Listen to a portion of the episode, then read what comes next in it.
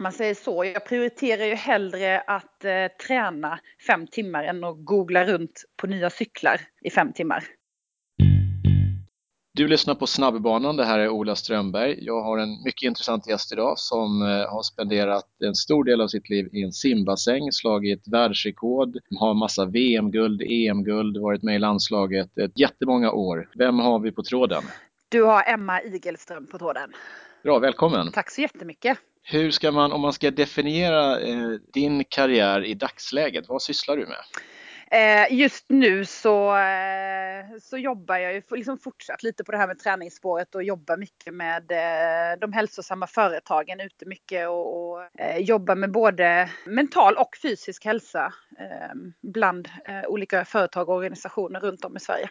Bra, vi kommer att prata lite om, om simning, vi kommer att prata om eh, din satsning på triathlon och även en del om det som du har talat öppet om innan vad gäller ätstörningar och vissa andra tunga perioder i ditt liv. Men om vi börjar med simkarriären. När visste du att du ville bli simmerska?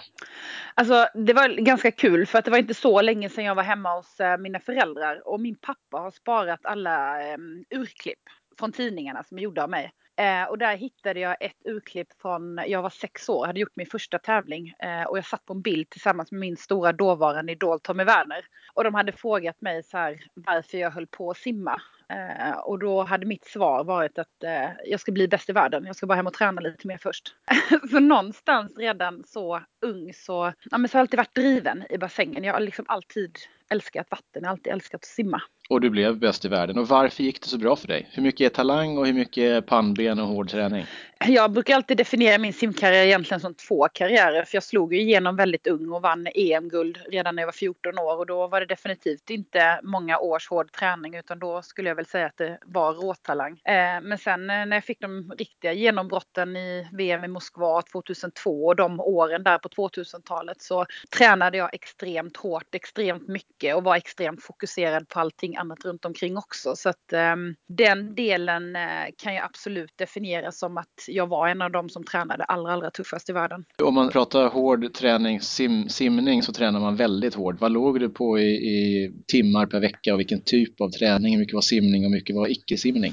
Jag hade ju, uh, fick ju den fantastiska möjligheten att liksom träna simning som ett proffs uh, och kunde göra det under flera år och det är klart att då hade jag ju möjlighet att skruva upp träningen också och någonstans runt 25-30 timmar låg jag på i, i många långa perioder och det var mycket hård träning. Det var mycket meter och även en hel del fysträning.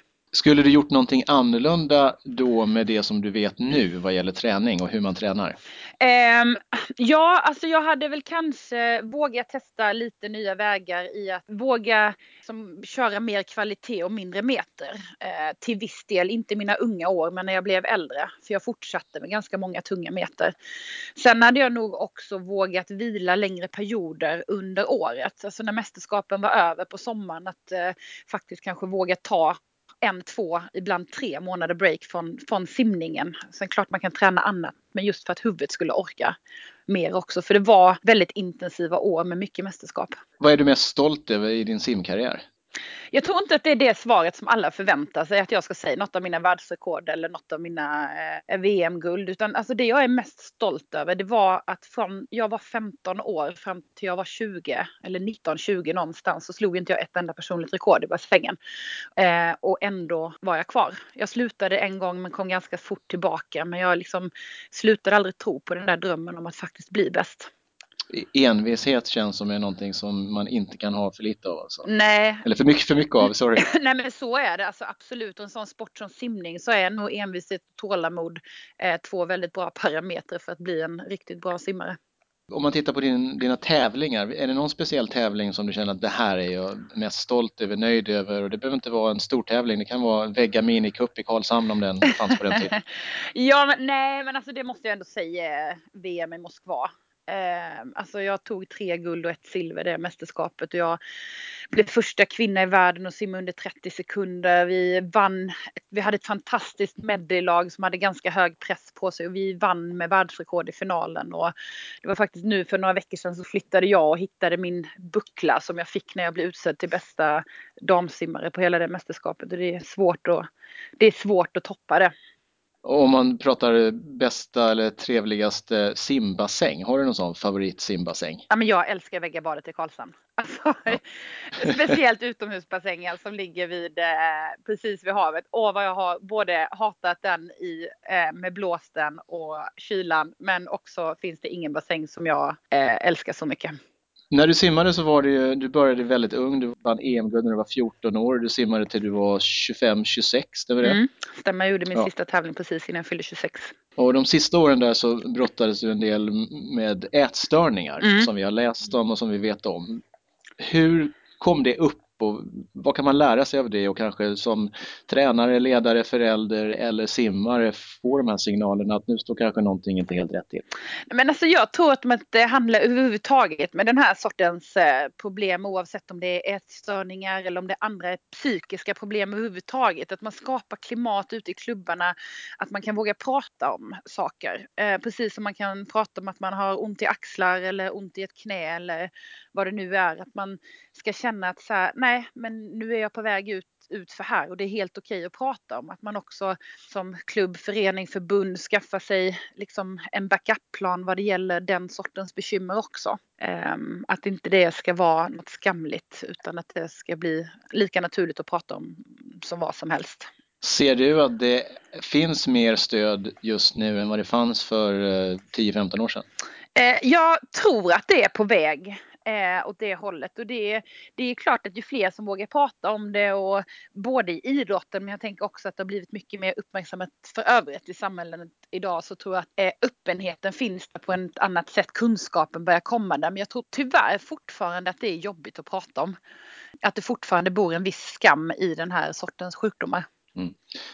Och vad, skulle du, vad tror du är den utlösande faktorn framför allt? Är det sociala faktorer, alltså synen på hur framförallt då kanske tjejer ska se ut eller är det personlighetsdrag eller vad tror du?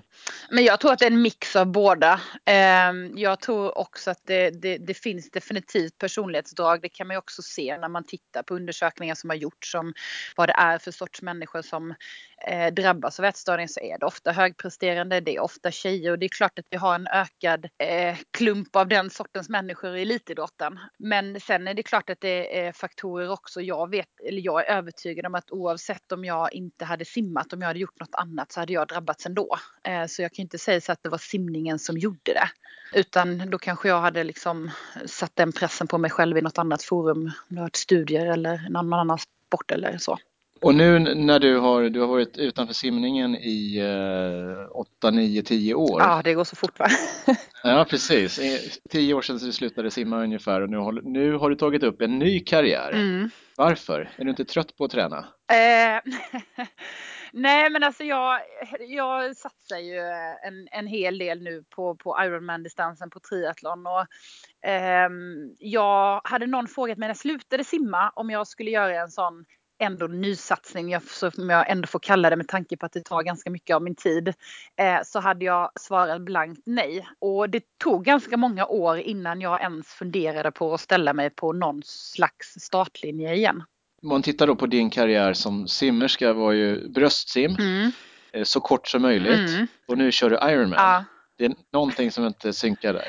Nej, och det är så kul också när jag står på startlinjen i, i liksom just simdelen och folk liksom förväntar sig att jag ska göra stordåd på 3,8 kilometer simning och så försöker man typ så här, ja fast jag tävlade på 50 meter och det var bröstsim. Det är som att Usain Bolt hade ställt sig på startlinjen på en maraton och alla hade räknat med att han skulle vinna. Eh, nej men alltså, jag, jag tycker ju ändå mycket av triathlonträningen framför allt är väldigt lik simningen. Där har jag extremt mycket nytta av allt kakel jag har nött, alla längder eh, som jag har gjort. Den här förmågan att eh, stänga av smärtan, förmågan att ligga timme efter timme och bara så här mata. Så att jag måste säga att pannbenet är ju ändå det någonstans som, som förlikar de här två sporterna och också mängden i träning. För även om man är sprinter i simning så tränar man ju inte som en sprinter i friidrott utan man tränar ju ändå extremt mycket mängdträning för att tävla så kort tid. Du kommer väl ihåg att lagkassen ska man prata med om man vill tjäna mycket pengar till sin skolklassförening eller idrottslag. Just det, lagkassen. Överlägset lättast att tjäna pengar till laget. Så är det. Och vad har du för mål nu då som, eh, som triatlet om vi säger det? Nej, men alltså jag har ju ett uttalat mål. Det är ju att jag ska göra det som eh, står i min makt eh, för att ta mig till Kona, Hawaii. Eh, I min åldersgrupp ska tilläggas. Det är ingen liksom så här, jag ser mig fortfarande som motionär. Men ehm, eh, du är, du är i dagsläget det som många populärt kallar elitmotionär, vilket egentligen... Jag gillar ju inte det uttrycket. Vara, Nej, det känns inte som att det ska vara i samma sammanhang. Antingen är du elit eller är du motionär. Ja, sen kan man ju liksom träna som en elit fast man är motionär. Men e-, elit för mig, det är liksom det är högre mål än så. Definitivt inte att uh, tävla i en ålders, uh, åldersgrupp som jag kommer göra. Ehm, men det är klart att det är målet. Samtidigt så är det också så att jag har ju massa saker idag i mitt liv som, eh, som betyder mycket mer än vad idrotten gör. Ehm, och det är också det som någonstans är så himla skönt för att det är verkligen bara glädjen som styr mig i det här och jag har inte en enda gång liksom känt någon slags press på mig själv eller press för att prestera. Jag känner mig så här, jag har presterat i mitt liv. Jag har varit bäst i världen en gång, jag behöver inte göra något mer. Och, och träningsmässigt nu, hur mycket tid lägger du ner? Du nämnde att du drar ner 25 timmar i veckan som eh, elitsimmerska, nu som triathlonmotionär. Ja, men det är ju det. Jag lägger ner nästan lika mycket tid nu. Jag ligger runt 20 timmar i veckan just nu i min träning. Eh, skillnaden idag är, ska jag säga att det är helt taget beroende på hur mycket återhämtning jag kan få under veckorna. Eh, ju mindre återhämtning jag kan få, desto mindre tränar jag i mängd. Och hur mycket simning kör du de här 20 timmarna? Eh, nej men alltså från att egentligen inte ha varit någonting för att jag har verkligen tyckt att det har varit extremt tråkigt att simma i bassäng. Eh, så har jag faktiskt hittat tillbaka i glädjen i bassäng och lägger gärna simning som någon slags så här återhämtningsfas också i träningen. Så det blir nog en sex timmar i veckan kanske, fem, sex. Mm. Eh, och du kommer vara med och simma Masters-SM i Helsingborg i maj? Frågetecken. Det kommer jag göra och jag kommer faktiskt göra min första ja. simtävling Masters-DM här uppe i Göteborg om den 7 februari. Okej, bra det ska vi hålla i kalendern. Ja, utan att ha tränat mer än två antag bröstsim så ska jag faktiskt ställa upp i det. Det sitter i ryggmärgen. Ja, men det gör väl det. Och så får man väl ha, det är väl det här med tiderna då som ska bli spännande att se hur man förhåller sig till. Just det, eller att man inte tittar så noga på dem. Ja, det är så jag tänker att jag inte ska göra, men eh, frågan är om det verkligen gäller när man står där eh, på startpallen Precis. eller sätter händerna i mål. Tävlingsdjävulen kommer fram. Men så är det, den kommer alltid bo där. Ja. Och träningsmässigt, det känns som att du är en ganska stark individualist på ett positivt sätt. Mm. Tränar du själv eller tränar du i en grupp när du kör triathlonträning? Eh, både och faktiskt. Eh, jag lägger ner mycket tid själv. Eh, men gillar, eller har börjat gilla att träna tillsammans med människor också. Jag var ju nere nu på Playtas i eh, en månad har jag varit där i höstas och tränade bland annat med Annie Thorén. Eh, tyckte det var jättekul att träna med triatleter som gärna är bättre än vad jag är, som jag kan utvecklas av. Men ehm, jag har inget problem med att träna själv. Jag måste inte ha en grupp för att pressa mig till max. Vad tycker du av de tre grenarna, simning, löpning, cykel, vad är roligast? Mm, men jag måste säga cyklingen ändå. Det är nyast sport mm. för mig och där jag har haft min bästa eh, utveckling. Eh, sen så tycker jag att simningen i öppet vatten är helt fantastisk och undrar varför jag inte gjorde mer av den varan när jag höll på att simma. För en vanlig motionär som simmar, ska simma i öppet vatten, vad är den största skillnaden mellan att sitta och räkna kakelplattor i en bassäng teknikmässigt och liknande? Eh, nej men alltså, det känns som en helt annan simgren. För det är ju lite, alltså det är mycket mer strategi, du ska ta beslut, du ska navigera.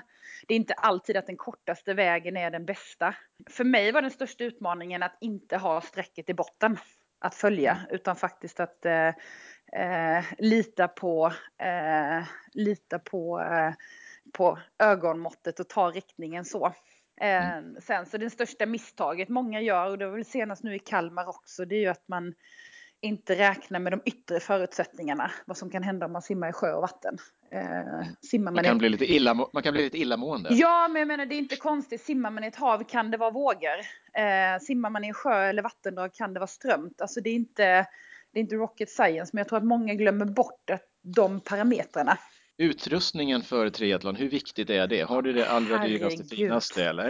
Eh, alltså jag lovar ju mig själv när jag gav mig in i den här sporten att, att inte bli prylgalen, men det är ju svårt att inte eh, hänga på. Men eh, man säger så, jag prioriterar ju hellre att eh, träna fem timmar än att googla runt på nya cyklar i fem timmar.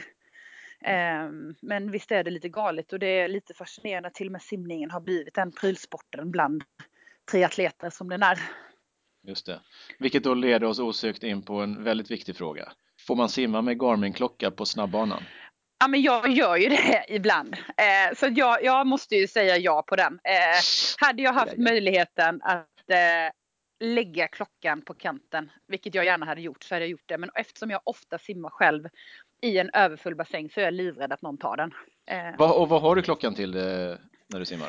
Eh, alltså dels så eh, räknar jag, det är det största. största för jag, jag vet inte om det, är något, eh, om det är att jag har blivit äldre eller om jag bara har kommit bort från det där eh, liksom kakelräknandet. Att hålla koll ja. men sen kollar jag också pulsen. gör jag. hur jag ligger i förhållande till tiderna och sådär. Ja. Bra, du får... Eh, Men jag lovar att inte ha Garmin-klockan på tävlingarna. Det finns inte på världskartan. Nej. Bra, mm. skönt. Mm. Ja. Du får ett undantag. Har man vunnit VM-guld och slagit världsrekord så får man göra lite. Ja, men då är man, då är man ganska trygg ja, i sin sim, simpersonlighet känner jag. Exakt, ja. du får till och med sitta på linan. Mm. Ja. Eh, om man pratar svensk simning, vad tycker du att vi är duktiga på i Sverige på simning jämfört med andra länder? Men jag tycker nog återväxten, alltså konstant hela tiden har varit bra i Sverige. Visst att man har haft lite sämre och bättre år och sådär.